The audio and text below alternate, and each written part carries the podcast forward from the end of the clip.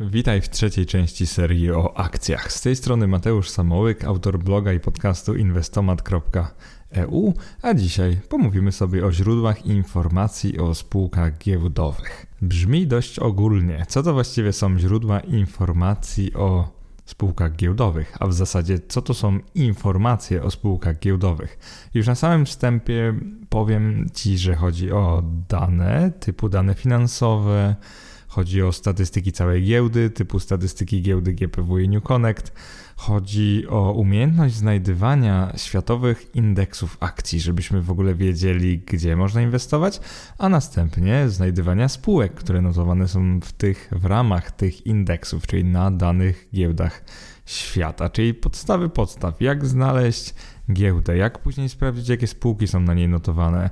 Jeżeli już mówimy na przykład o GPW i New Connect, to gdzie sprawdzić, ile tam jest spółek, ile było debiutów, ile było wycofań z giełdy, jakie obroty były i tak dalej, i tak dalej. A nawet detale typu ile procent obrotu stanowił kapitał zagraniczny, a ile procent kapitał obcy. To są takie ciekawostki, które pozwolą nam lepiej zrozumieć, jak funkcjonuje cała giełda, gdzie możemy inwestować, gdzie jest jak wiele spółek itd. Tak itd. Tak Ogólnie rzecz biorąc, sprawy bardzo przydatne, ale może nie niezbędne. Kolejnym rozdziałem, kolejną częścią tego podcastu będzie to, gdzie szukać sprawozdań finansowych spółek. I tu się robi coraz ciekawiej i myślę, że coraz istotniej dla analityka fundamentalnego. Zaczniemy od terminarza publikacji raportów, czyli sprawdzimy, gdzie w ogóle sprawdzić, kiedy dana spółka publikuje raport i jak często oczywiście. Następnie omówimy sprawozdania finansowe i ich źródła, czyli zobaczymy, gdzie można najszybciej, najprościej znaleźć sprawozdanie finansowe spółki. A na samym końcu omówimy sobie historię finansową spółek w jednym miejscu. To będzie w postaci akurat jednej strony. Taki portal mamy dla spółek polskich, mamy takie portale dla spółek zagranicznych, także nie jest to w branży żadne powiedzmy dziwactwo, żadne kuriozum. E, informacje finansowe zwykle możemy znaleźć w jednym miejscu dla wielu lat, ponieważ e, strony agregaty po prostu zarabiają na tym, na przykład na reklamach lub na jakichś abonamentach. W tym przypadku mamy szczęście, że akurat w Polsce jest trochę takich stron, które są za darmo, więc omówię taką przykładową, której ja sam używam. Na samym końcu tego podcastu, w trzeciej jego części, pomówimy trochę o wskaźnikach finansowych spółek i tym, gdzie ich szukać. Następnie opowiem Wam o skanerze fundamentalnym GPW, czyli takim narzędziu, które pozwala szybko odsiać spółki, które spełniają pewne kryteria fundamentalne. Jeżeli chodzi o kryteria fundamentalne, odsyłam do podcastu numer dwa, tego bardzo długiego, który trwał e, prawie dwie godziny, chyba godzinę 40. Tam usłyszycie więcej o wskaźnikach i w ogóle analizie fundamentalnej. Następnym narzędziem, które omówimy, będzie terminarz wypłat dywidend GPW i New Connect. Bardzo istotne narzędzie nie tylko dla dywidendowca, albo raczej nie tylko dla dywidendowca długoterminowego, czyli na przykład takiego jak mnie, ponieważ powiem szczerze, że zwykle trzymam spółki na tyle długo, na przykład przynajmniej 8-10 lat, że nie do końca obchodzi mnie, kiedy one dokładnie wypłacają dywidendy w ciągu roku, ponieważ i tak będę je trzymał w tamtym momencie, więc dla mnie to jest dość wtórne. Natomiast wiem, że są osoby, które grają pod dywidendy. Oczywiście tu przypominam, że dywidenda jest odcinana od kursu, więc pewnym momencie przed jej wypłatą, przed dniem dywidendy, dwa dni bodajże, dwa dni sesyjne i tak trzeba posiadać y, akcje spółki na rachunku, żeby dostać prawo do dywidendy. Natomiast następnego dnia spółka już jest notowana z odciętym, z odciętą tą wartością dywidendy od kursu, także nie da się spekulować w ten sposób, że kupuje się przed wypłatą dywidendy, sprzedaje się zaraz po, ponieważ akcje spółki są warte odpowiednio mniej. To jest całkiem logiczne, rozsądne, ale nie każdy o tym wie, więc warto wspomnieć. Na samym końcu omówię też wiadomości o spółkach, źródła wiadomości o spółkach oraz źródła plotek o spółkach. Oczywiście musiałem to wstawić, bo no cóż, y, nie ukrywam. Myślę, że świadomy analityk fundamentalny też powinien czasem zajrzeć do plotek o spółkach, zastanowić się, co tam może być grane w jakiejś spółce. Mm, jest takie słynne powiedzenie: kupuj plotki, sprzedawaj fakty. Ja sam nie jestem może jego wielkim fanem, ponieważ nigdy nie kupuję czegoś jedynie w oparciu o plotki. Natomiast czasami wykorzystuję to w sposób przeciwny, czyli jeżeli nie ma żadnych plotek o spółce, jeżeli nikt o niej nie mówi, to dla mnie jest to dobrym sygnałem, żeby coś kupić. Oczywiście nie samo to, ale jeżeli spółka posiada mocne fundamenty, i dodatkowo nie ma o niej zbyt wielu plotek, to akurat ja coś takiego lubię. I to jest drugie powiedzenie, kapitał lubi ciszę, czy pieniądze lubią ciszę. No i właśnie w tym przypadku y, ja akurat to tak interpretuję, że jeżeli o spółce nie mówi się dużo, nie plotkuje się dużo, a ja widzę w niej potencjał, to myślę, że to jest dobry moment, żeby coś kupić, bo zwykle wtedy jak się mało plotkuje, no to cena jest niższa. To jest całkiem rozsądne, ponieważ nie ściąga taka spółka całego tłumu spekulantów, ale wiem, że niektórzy ludzie wolą odwrotnie inwestować w spółki, które właśnie ściągają tłum spekulantów, no bo w danym momencie oczywiście mogą one rosnąć szybciej, rosnąć bardziej. Zaczynamy od samego zestawu narzędzi, jeżeli chodzi o całą giełdę. I zaczynamy od giełdy polskiej. Podobne statystyki, całe szczęście, znajdziesz dla giełdy frankfurckiej, londyńskiej, hongkońskiej, singapurskiej, oczywiście nowojorskiej. Więc jeżeli inwestujesz za granicą, to to nie jest tak, że ten podcast nic tobie nie da, ponieważ dowiesz się przede wszystkim tego, gdzie, albo raczej, że można czerpać podstawowe informacje o giełdzie. Zaraz Ci opowiem, jakiego rodzaju. Na szczęście dla nas zarówno GPW, czyli ten duży parkiet w Warszawie, jak i New Connect, czyli mniejszy parkiet w Warszawie, dzieli się z inwestorami podstawowymi statystykami GPW. Zresztą dokładnie tak nazywa się strona, gdzie znajdziemy takie informacje. Opowiem Ci teraz w skrócie, co znajdziesz na takiej stronie, i akurat na YouTubie dam taki obrazek, gdzie sobie to zobaczysz i we wpisie oczywiście będzie pełna tabela ze wszystkimi danymi, które tam znajdziesz. Jeżeli o mnie chodzi, co jest najlepsze albo raczej najbardziej użyteczne z tych statystyk, to to ile jest spółek na giełdzie w danym roku, czyli w ten sposób mogę zobaczyć, czy giełda rośnie, czy się kurczy. No niestety w przypadku naszej, tak jak już mówiłem w części pierwszej, no trochę się kurczy, jest spółek coraz mniej. E, super jest to, że widać też liczbę spółek zagranicznych, czyli widzimy, że na przykład na GPW w roku 2021 notowane były 400 notowane było 429 spółek, w tym 47 zagranicznych. To jest bardzo istotne, no bo pamiętajcie, że zagraniczne, jeżeli wypłacą dywidendy, trzeba je rozliczyć samemu na piechotę. Jeżeli chodzi o liczbę debiutów i liczbę wycofań, ona też mówi w pewnym sensie, w jakim jesteśmy stadium teraz. E, nie tylko cyklu i tak dalej, tylko w jakim jesteśmy stadium, jeżeli chodzi o rozwój giełdy. Przykładowo uważam, że jeżeli debiutów jest e, dużo, z roku na rok coraz więcej, no to giełda zyskuje na popularności, a spółki chcą w ten sposób pozyskiwać nowy kapitał. Jeżeli jest coraz więcej wycofań, no to może oznaczać to wiele rzeczy. Być może to, że wyceny spółek na naszej giełdzie są bardzo atrakcyjne, ponieważ zwykle jeżeli właściciele, akcjonariusze chcą wycofać spółkę z giełdy, czyli ją tak jakby wykupić, żeby już nie była notowana na giełdzie, no to zwykle jest ona notowana dość tanio, inaczej by nie chcieli tego robić.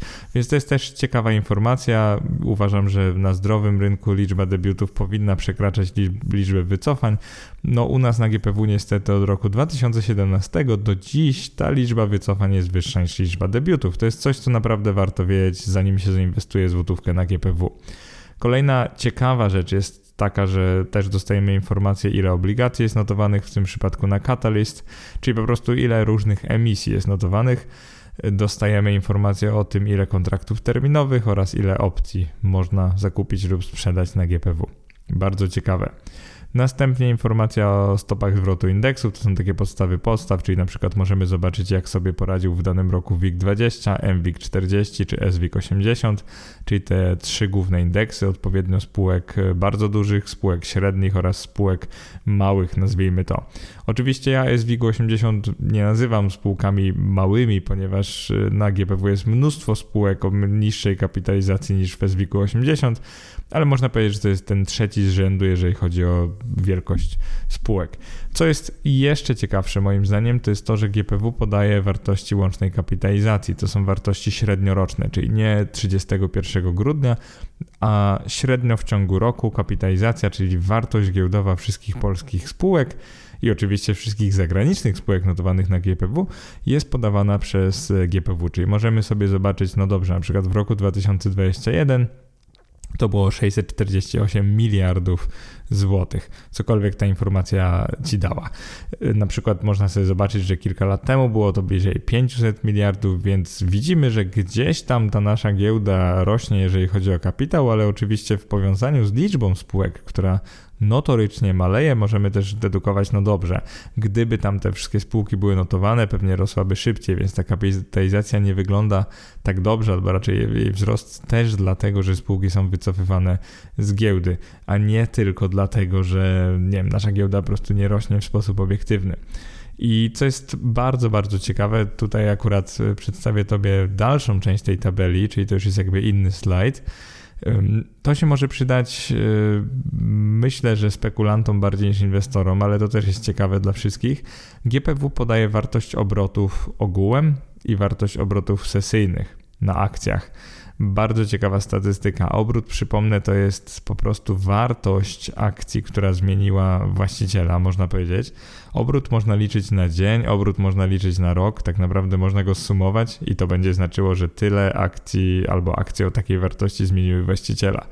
I na przykład z tej statystyki można wyczytać coś na tyle ciekawego, że w roku 2019 ten obrót na GPW wynosił niecałe 200 miliardów złotych, natomiast w roku 2020, czyli tym pandemicznym, tym, w którym ja, można powiedzieć, najbardziej rozkręcałem swojego bloga, pierwszym roku, w którym go tak prowadziłem na na poważnie, w zasadzie pierwszym roku, w którym go w ogóle prowadziłem, y, te obroty wyniosły ponad 300 miliardów złotych. Także co możecie z tego zrozumieć, to to, że ponad 50% zwiększone obroty, czyli zobaczcie, jak inwestorzy i spekulanci się uaktywnili.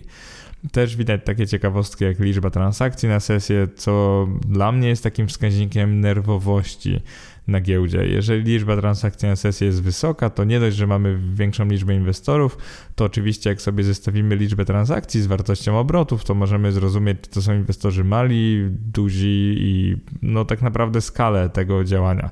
Dla przykładu, jeżeli mamy wysoką wartość obrotów ogółem, ale też wysoką liczbę transakcji, no to może być, że mamy wielu inwestorów indywidualnych. Jeżeli na przykład mamy niską wartość obrotów, a wysoką liczbę transakcji, to to oznacza prawdopodobnie, że duże fundusze są mniej aktywne, mniejsi inwestorzy są bardziej aktywni. Czy takie informacje są w jakiś sposób e, przydatne dla inwestora indywidualnego? Uważam, że tak. To jest trochę wyższa szkoła jazdy, ale jeżeli umiesz takie coś czytać, to na przykład możesz prosto zrozumieć, czy ceny akcji są windowane przez drobnych akcjonariuszy, czyli przez no, czasami spekulantów, czy przez na przykład wielkie fundusze. Ten drugi wzrost e, lub spadek oczywiście, bo obrót dotyczy, wiadomo, kupna i sprzedaży, więc przy wysokim obrocie giełda może zarówno zyskiwać, jak i spadać. Może dawać informację, że jesteśmy w dobrych lub słabych czasach. Ten, ten drugi, e, tak jak mówiłem, wzrost, spadek to jest rzecz bardziej stabilna, czyli oczywiście bardziej pożądane jest to, żeby na giełdzie inwestowały duże fundusze. Oczywiście świetnie, jeżeli mamy też wielu inwestorów indywidualnych, ale bym powiedział, że duże fundusze dają taką większą stabilność, ponieważ inwestor indywidualny prościej może je przenieść na coś innego, a duży fundusz ma jakiś profil i zazwyczaj musi w coś inwestować, na przykład w akcje dużych spółek i tutaj jakby nic z tym nie zrobimy. Kolejną ciekawostką jest to, że na GPW można też, od GPW można otrzymać wskaźniki cen do zysku i cen do wartości księgowej.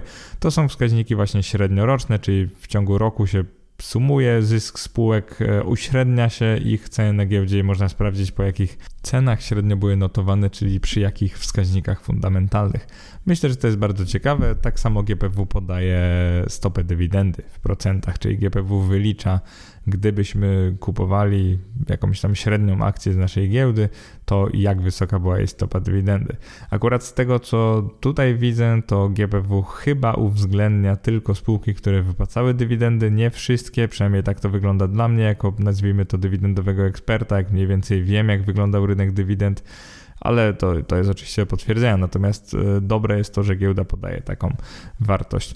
Podobne statystyki możemy znaleźć dla New Connecta. One się tak naprawdę wiele nie różnią, więc może tylko szybko mignę i pokażę, jak to wygląda. Natomiast e, statystyki dla New Connecta różnią się, powiedziałbym, przede wszystkim tym, że liczba debiutów i wycofań, no cóż, zwykle liczba debiutów powinna być wyższa. Niestety w ostatnich latach też było więcej wycofań niż debiutów.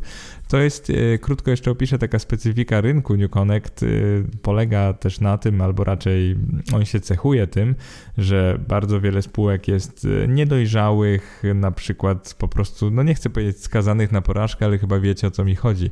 Po prostu chodzi o to, że na New Connectie prościej o przyszłego bankruta albo spółkę, która jakoś zmieni profil działalności, albo ktoś ją może wykupi w całości, więc wycofania na, na New Connectie wcale nie są taką nową rzeczą.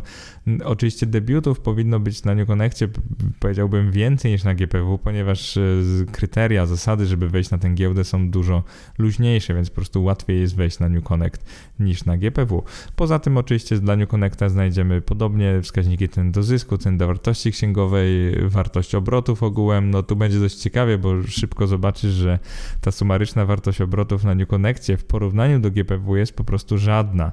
I jeżeli chodzi o lata przed rokiem 2020, to w ogóle no, te obroty praktycznie ich nie było. To był rynek niepłynny, ponieważ wynosiły około miliarda złotych w ciągu roku. O, y, poprawiło się w, w, roku 2020, one wtedy wyniosły 15 miliardów, no i w roku 2021 na razie ciężko powiedzieć, ale jeżeli dobrze pójdzie, wygląda to, że dojdziemy gdzieś do połowy tego obrotu y, z poprzedniego roku, czyli roku 2020. Y, co mnie martwi, jeżeli chodzi o te statystyki, to oczywiście liczba wycofań, no ale nikt nie jest prorokiem, nie wiemy jak będzie w przyszłości. Na razie to wygląda na to, że pod względem liczby spółek GPW się trochę kurczy. Kolejna bardzo ważna sprawa, gdzie znaleźć światowe indeksy akcji. Tu przechodzimy do strony stoku.pl, e, przez Q się pisze. Stoku znajdziecie naprawdę prosto. Przede wszystkim jak wejdziecie do wpisu lub e, po prostu wpiszecie dane spółek giełdowych w Google, to na pewno będzie to jedna z pierwszych z pierwszych sugestii, którą da wam właśnie ten hegemon, powiedzmy ta wyszukiwarka Google. E, światowe indeksy akcji znajdziecie na stoku, tam jest taka pod, podgrupa, właśnie indeksy. Y, dlaczego korzystam akurat z tego? Przede wszystkim stoku podaje, albo raczej posiada notowania wszystkich głównych indeksów świata. Mamy dla Azji kilkanaście, dla Europy nawet kilkadziesiąt indeksów, oczywiście dla innych kontynentów też, więc o to się nie martwcie. Co tu możemy zobaczyć? Przede wszystkim możemy zobaczyć kurs, czyli poziom, z jakim notowany jest dany indeks. Możemy zobaczyć zmianę, w tym przypadku, w tym takim defaultowym głównym menu będzie zmiana dzienna. Bardzo przydatne informacje, ale czy sama informacja o tym, że istnieją indeksy, tobie też coś daje? No nie do końca, dlatego warto wybrać opcję stopy zwrotu większe lub równe w jednym roku i tam zobaczymy coś naprawdę ciekawego. Wobec dnia dzisiejszego stoku nam wtedy pokaże, jak wiele byśmy zarobili lub stracili na danym indeksie, trzymając go przez odpowiednio 1, 2, 3, 5, 10 oraz 30 lat. To oczywiście będzie ciekawsze dla inwestorów pasywnych niż dla inwestorów aktywnych, bo jeżeli chcemy inwestować w cały indeks, to oczywiście znajdujemy na niego na przykład fundusz ETF i wtedy po prostu kupujemy i trzymamy, więc ta historia może się przydać tak poglądowo, jakie były stopy zwrotu w przeszłości. Oczywiście nie znaczy to w ogóle, że w przyszłości będą podobne, nie ma to w zasadzie żadnego znaczenia, natomiast warto jest wiedzieć, na jakim rynku się inwestuje, więc dla Was tylko ciekawostka, że da się takie coś sprawdzić. Ale co będzie naprawdę pomocne, to menu o nazwie komponenty. Po lewej stronie na stoku, jeżeli będąc w profilu jakiegoś aktywa, na przykład indeksu WIG20, klikniemy komponenty, tak to się nazywa, przynajmniej dnia dzisiejszego, to będziemy mogli prosto sprawdzić, co wchodzi w skład danego indeksu, czyli jakie spółki. Niestety stoku nie ma takich informacji dla wszystkich indeksów, ale na przykład dla azjatyckich Hang Seng albo Nikkei 225, czy europejskiego DAXa, czy UK 100, polskiego WIG-u, czy też dla amerykańskich Dow Jones Industrial Average, czy Nasdaq 100 100 czy S&P 500 oczywiście, prosto podejrzymy tak, jakie spółki notowane są w danym indeksie. Co jest naprawdę super, to to, że tutaj możemy też sobie sprawdzić, przynajmniej dla niektórych indeksów, dla niektórych spółek, takie rzeczy jak wskaźniki cen do zysku, jak sobie zobaczymy detale, możemy sprawdzić y, płynność spółek, ponieważ wolumen jest tam podany, więc mnożąc przez kurs mniej więcej zobaczymy obrót w danym dniu. Możemy oczywiście zmianę dzienną, zmianę roczną, takie podstawy. Mm, jeżeli sobie rozwiniemy takie menu, właśnie komponenty, będąc w indeksie, zobaczymy też procentowy udział danej spółki w indeksie. To jest naprawdę super, jeżeli jesteśmy kompletnymi nowicjuszami i chcemy sprawdzić y, dany indeks. Na przykład słyszeliśmy, że indeks hongkoński posiada teraz tanie spółki, spółki, przynajmniej obecnie, więc sprawdzamy ile tam jest spółek i jak one są ważone w indeksie, czyli możemy zobaczyć, czy na przykład 10% indeksu nie stanowi jedna spółka. Y, zwykle tak jest, że stanowi, natomiast tym razem będziemy przynajmniej bardziej świadomi, nie będziemy mówić o jakimś wirtualnym tworze, jakim jest na przykład hongkoński indeks, tylko będziemy mówić o konkretnym indeksie, który posiada konkretne spółki, my nawet wiemy jak się nazywają. Tak jak w WIG-20 na przykład może dominować Orlen, PGNiG, kiedyś na przykład CD Projekt, to w innych indeksach też będą dominować pewne giganty. I jeżeli poznamy jak się te giganty nazywają, to sami w sobie stajemy się bardziej świadomymi inwestorami. Jeżeli będziemy z kimś dyskutować, to już wiemy, że taka spółka w ogóle istnieje. Więc takie coś może bardzo poszerzyć horyzonty. Kolejny rozdział, czyli gdzie znaleźć sprawozdania finansowe spółek. Tutaj nieco przyspieszymy. E, czego szukamy? Co to są sprawozdania finansowe? W podcaście Akcje 2 na 10 jak analizować akcje spółek, podstawa analizy fundamentalnej. Omówiłem to dość dobrze raczej co można znaleźć w sprawozdaniu finansowym, po co ono jest, co ono oznacza. Więc dzisiaj tylko omówimy sobie, gdzie je znaleźć najprościej.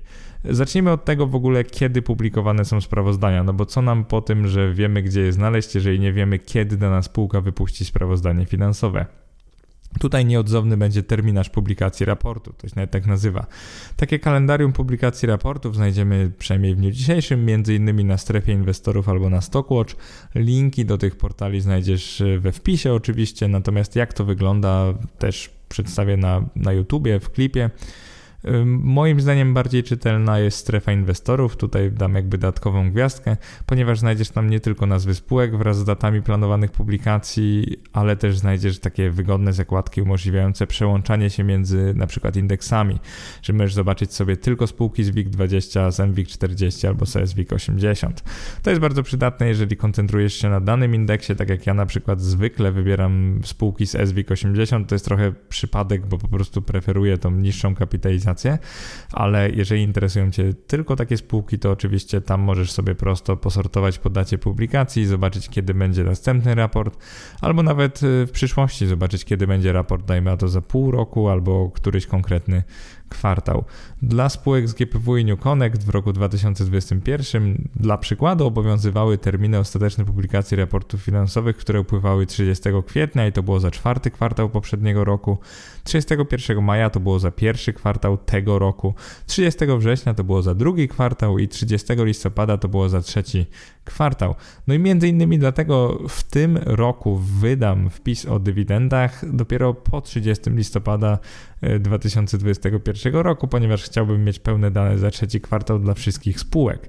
To jest powód, dla którego wydaję wpis o dywidendach trochę później niż w roku ubiegłym, tak też, żeby siebie wytłumaczyć, żebyście rozumieli, dlaczego wpis o dywidendach wyjdzie na początku grudnia, a nie na początku na przykład października, tak jak to zrobiłem w roku poprzednim. Sprawozdania finansowe, gdzie je najprościej znaleźć, czyli już wiemy, kiedy będą publikowane dla naszej grupy spółek, dajmy na to wybraliśmy sobie 15-20 spółek do analizy, chcemy sprawdzić, kiedy wyjdą następne sprawozdania finansowe. Przede wszystkim najprościej jest znaleźć u źródła, czyli po prostu na stronie internetowej danej spółki. Jeżeli sobie na przykład w Google wpiszesz KGHM Polska Miedź sprawozdania finansowe, to prawie na pewno od razu trafisz na strony relacji inwestorskich, tak się nazywają takie strony, na których właśnie spółka ma obowiązek publikować raport tak szybko, jak on będzie właśnie no, opublikowany, zapowiedziany, że będzie danego dnia, więc gdzieś tam w okolicy południa powinniśmy się go spodziewać na stronie internetowej spółki. Jako, że na GPW New Connect łącznie notowanych jest około 800 spółek, a każda z nich publikuje 4 sprawozdania finansowe w ciągu roku, to wymagający inwestor musiałby monitorować 3200 dokumentów w ciągu roku, które dodatkowo są publikowane w różnych dniach. Podobna aktywność jest nie tylko niewykonalna, przynajmniej dla mnie, ponieważ monitorowanie tak wielkiej liczby dokumentów po prostu przekracza moje możliwości i zasoby czasowe, ale powiedziałbym, że to jest wręcz szkodliwe dla inwestora. Dlaczego? Ponieważ uważam, że inwestor nie powinien bazować wszystkich swoich decyzji na sprawozdaniach finansowych najnowszych, mam na myśli, i taki bodziec jak na przykład obniżone przychody i zyski spółki w danym kwartale lub podwyższone nie zawsze będzie świadczył o tym, że długoterminowo spółka jest gorszą lub lepszą inwestycją. Uważam, że jeżeli na przykład posiadasz w portfelu 10 lub 15 spółek i masz na jakiejś takiej liście obserwowanych kolejne 5, ponieważ coś tam zauważyłeś, na przykład potencjał do wzrostu, to myślę, że warto tego dnia, mam na myśli danego dnia, kiedy spółka właśnie wypuszcza, publikuje sprawozdanie finansowe, być na bieżąco i je sprawdzić. Natomiast w przypadku, kiedy no, nie jesteś jakąś spółką bardzo zainteresowany, nie jesteście super zainteresowanie spółką, uważam, że nie powinno się albo nie trzeba sprawdzać tego dnia danych finansowych, żeby zdążyć, wiecie, zagrać pod jakąś informację. No ja w ten sposób nie robię. Jeżeli mówimy o poważnym inwestowaniu w akcje, to uważam, że nikt nie musi w ten sposób robić.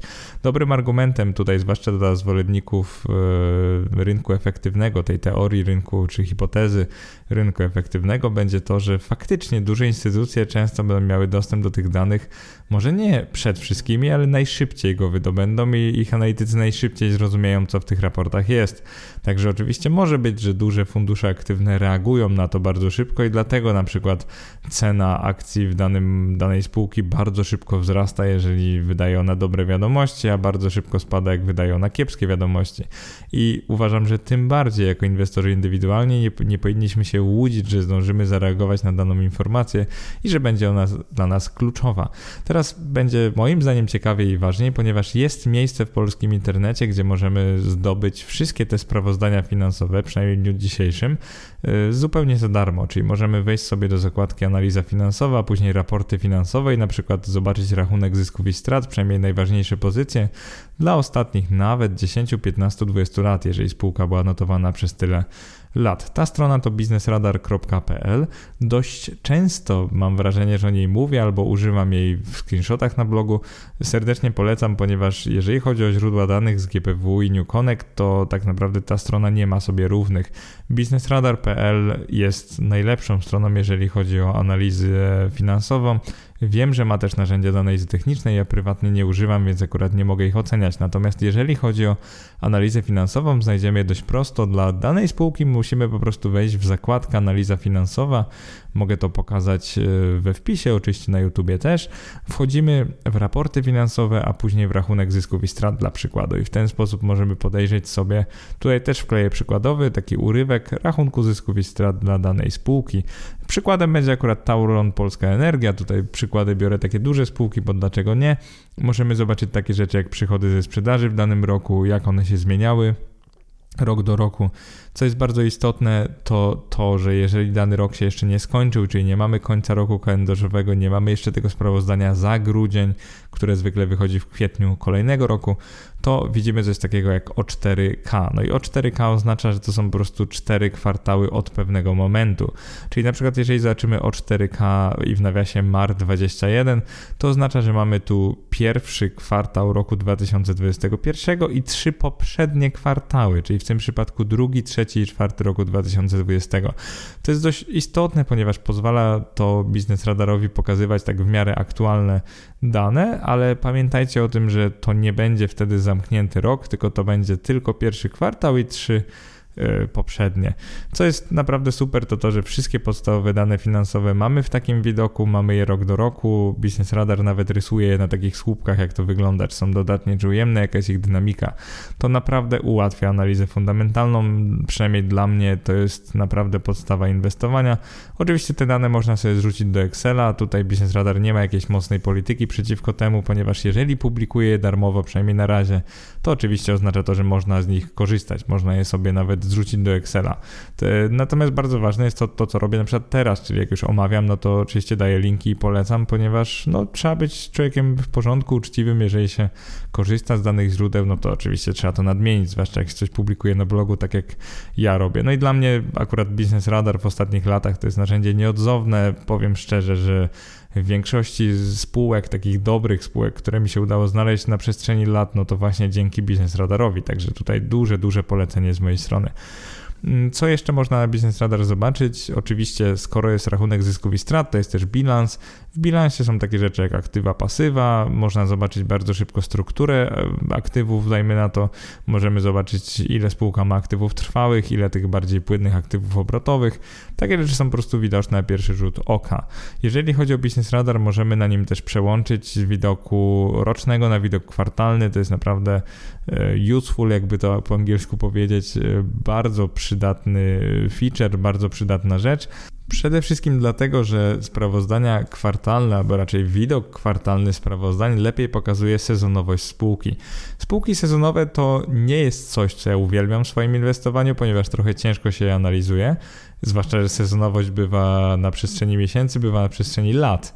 Więc y, spółkę sezonową najprościej zobaczyć właśnie tym, tutaj dam przykład, jeżeli spółka sprzedaje zabawki, to zwiększone przychody zawsze będzie miała w okolicy grudnia, po prostu w czwartym kwartale każdego roku ona będzie sprzedawać kilka razy więcej tych zabawek niż w innych kwartałach. Oczywiście, jeżeli produkuje, tak jak mówiłem, zabawki, no to będzie więcej produkować gdzieś przed czwartym kwartałem, może w trzecim na przykład, żeby sklepy zdążyły się zaopatrzyć. Więc w ten sposób zobaczymy, czy spółka jest cykliczna. E, cykliczności nie widać zazwyczaj w sprawozdaniach rocznych. Oczywiście bywają spółki, które w danych latach, weźmy przed rafinerię, jeżeli w jakimś roku cena ropy jest taka, a nie inna, to rafineria może radzić sobie lepiej lub gorzej, więc oczywiście cykliczność widać też na przestrzeni lat.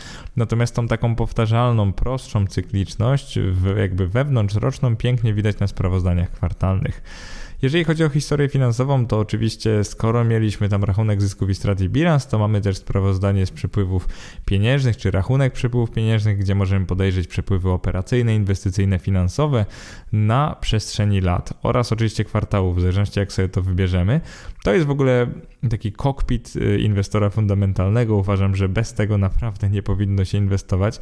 To jest niesamowite, jak dobrze Business Radar prezentuje takie dane i akurat ten rachunek przepływów, tak jak powtarzałem w poprzednim podcaście, jest bardzo niedoceniany i przydałoby się tam spojrzeć. Jeżeli chcesz zainwestować w spółkę, to zobacz na przestrzeni lat i kwartałów, czy ona miała dodatne przepływy operacyjne, jak one zmieniały się właśnie, jaka była ich cykliczność, ile wynikało z amortyzacji, bo to jest naprawdę super, że tu jest podana też amortyzacja, która tak jak mówiłem trochę sztucznie obniża zysk, więc przepływy pokażą bardziej prawdziwy obrazek. Tu widzimy, jak e, na ile spółki inwestują, czy może spieniężają inwestycje. Widzimy też oczywiście, na ile spółki tu się zadłużają. Co jest naprawdę super w Business Radar, to to, że na tym widoku pokazana jest emisja akcji, czyli jeżeli spółka emituje nowe akcje, zobaczymy, na ile zwiększyła tutaj kapitał. E, widoczna jest też dywidenda, czyli jeżeli spółka wypłaca dywidendy, to zobaczymy tutaj, ile łącznie w danym roku poszło kapitału na dywidendy. To też świetnie pokazuje na przykład dywidenda w stosunku do tej sumy i różnicy różnych przepływów może oznaczać na ile spółka chciała się podzielić tymi finansami, które faktycznie zostały w jej kasie. Oczywiście na samym końcu przepływy pieniężne razem pokażą nam jak łącznie wychodzi spółka, no powinny być dodatnie w każdym roku, nie zawsze są, ale to nam pokazuje właśnie tak bilansowo czy spółka zarabia czy traci pieniądze. Jeżeli chodzi o wskaźniki finansowe spółek, teraz schodzimy już do skali mikro ze skali makro, to najprościej szukać ich również na Business Radar, ponieważ nie trzeba szukać daleko, wystarczy przełączyć zakładkę, jesteśmy dalej w analizie finansowej. Wystarczy ją przełączyć na wskaźniki zamiast raporty finansowe i później mamy do wyboru wartości rynkowej, rentowności, przepływów pieniężnych, zadłużenia, płynności, aktywności. To dotyczy tego, co mówiłem na końcu poprzedniego podcastu, czyli tej części wskaźnikowej. Przypomnę krótko, czym są wskaźniki. One pozwalają, na przykład dzieląc lub mnożąc dane liczby ze sprawozdań finansowych, one pozwalają prościej, w taki sposób bardziej ustandaryzowany, pokazać y, konkretne zależności, na przykład wycenę spółki, jej płynność, jej zadłużenie itd. Tak itd. Tak Business Radar oczywiście, skoro ma dane finansowe, to w bardzo prosty i automatyczny sposób może je wybrane dane podzielić przez siebie lub pomnożyć, więc bardzo prosto zobaczymy takie rzeczy jak wartość księgową na akcję, zysk na akcję, przychody na akcję itd. Tak itd. Oczywiście wobec tego policzymy takie wskaźniki jak cena wartość księgowa, cena do zysku lub cena do przychodów, co jest naprawdę super w tym widoku. Tu dla przykładu mówiłem akurat o wskaźnikach wartości rynkowej, co jest naprawdę przydatne, przynajmniej dla mnie, to jest to, że Business Radar podaje liczbę akcji w każdym roku. Czyli jeżeli sobie zrobimy zestawienie za wiele lat, no to w bardzo prosty sposób zobaczymy, czy spółka emitowała nowe akcje, czy robiła skup akcji własnych, czyli czy liczba akcji w obiegu, liczba akcji w obrocie zmalała lub wzrosła. No bo pamiętajcie, że kapitalizacją spółki jest kurs akcji, czyli cena jednej akcji razy liczba akcji, więc jeżeli na przykład kapitalizacja jest niezmienna, ale spółka bardzo dużo emituje, no to oczywiście oznacza to, że akcje są warte coraz mniej.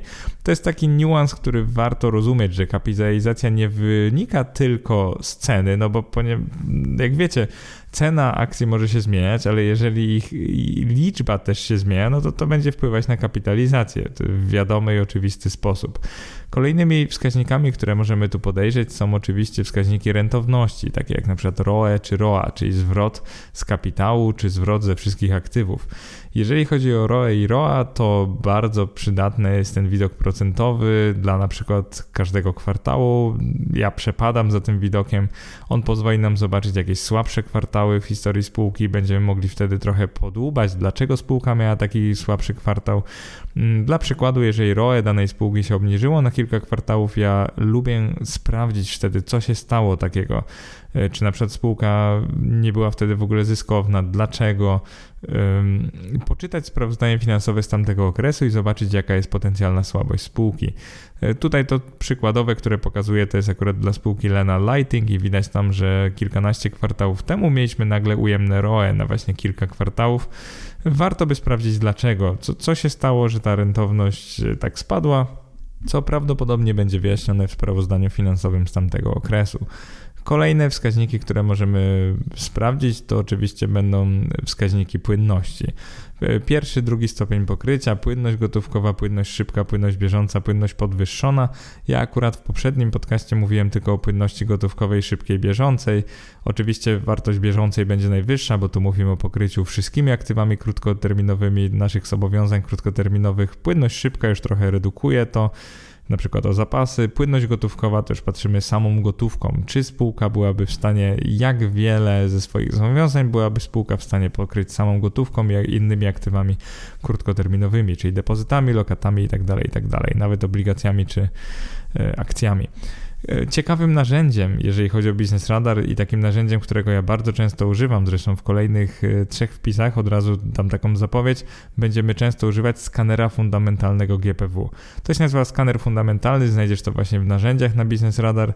Moim zdaniem on e, pod względem bogactwa funkcjonalności on przebija wszystkie inne darmowe narzędzia tego typu, ponieważ skanerów fundamentalnych w polskim internecie jest przynajmniej kilka, natomiast ten na Business Radar pozwala szybko przebrać cały rynek, bazując na konkretnych, wcześniej ustalonych kryteriach kryteriach takich jak kapitalizacja, takich jak cena do zysku, cena do wartości księgowej, branża danej spółki.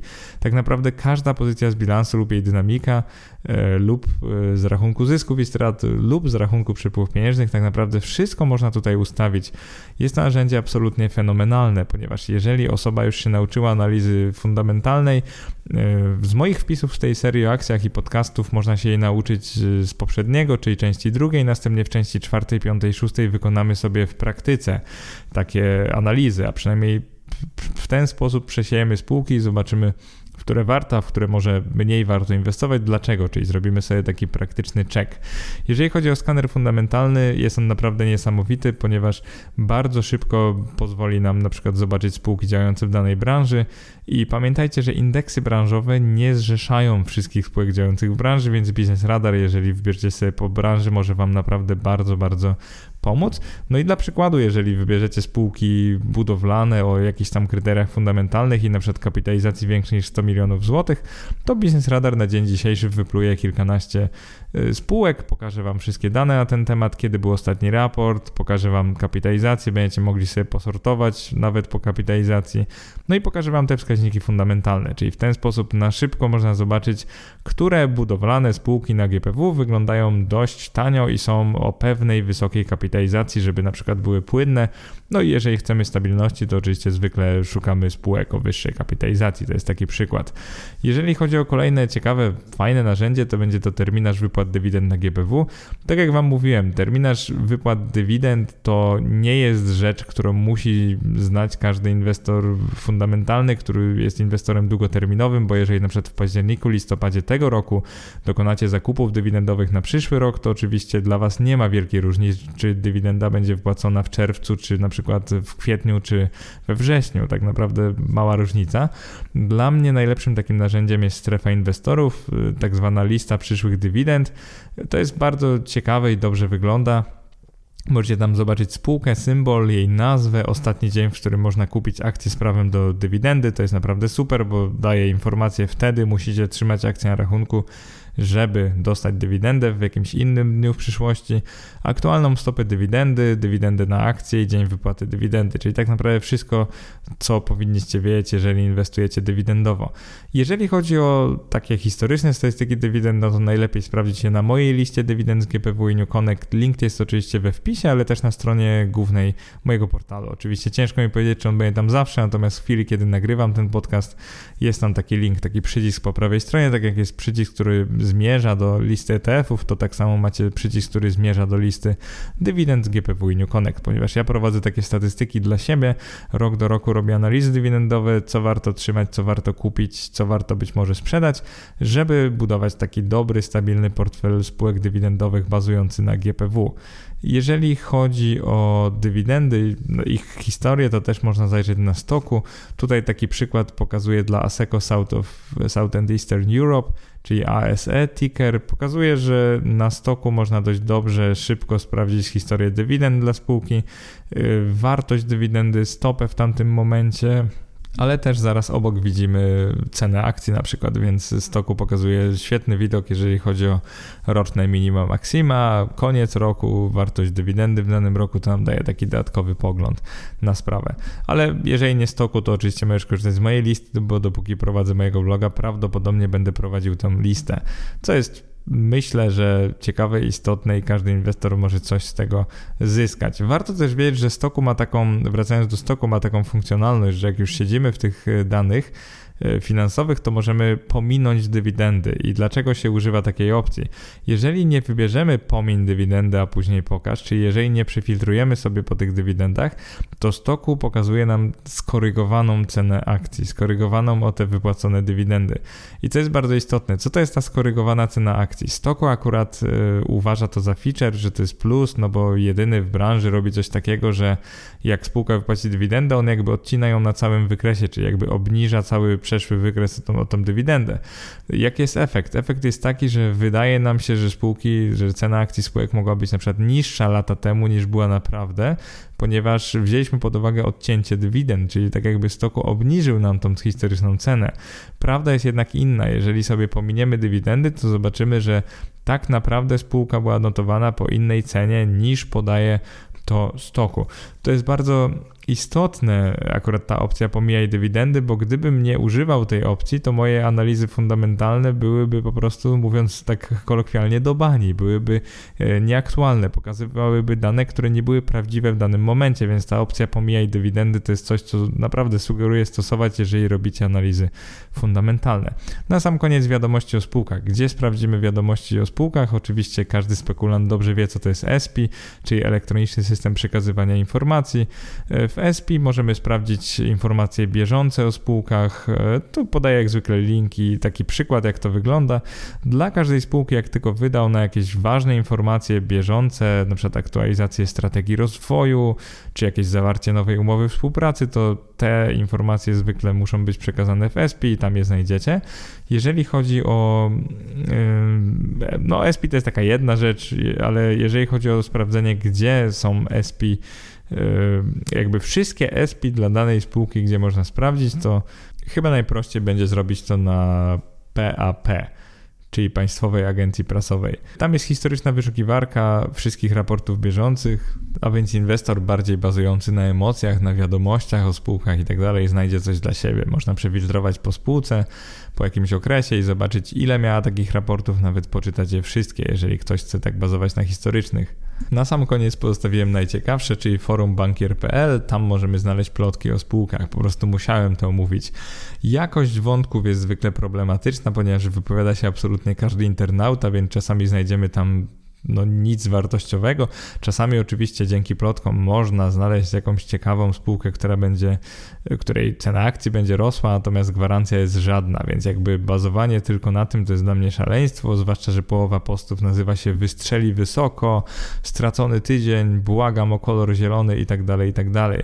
Więc dostajemy tu po prostu bardzo wątpliwej jakości, nieprzefiltrowane informacje, które tak naprawdę bardziej pokazują emocje ludzi związanych z daną spółką. Tutaj dla przykładu możemy zacząć CD Projekt.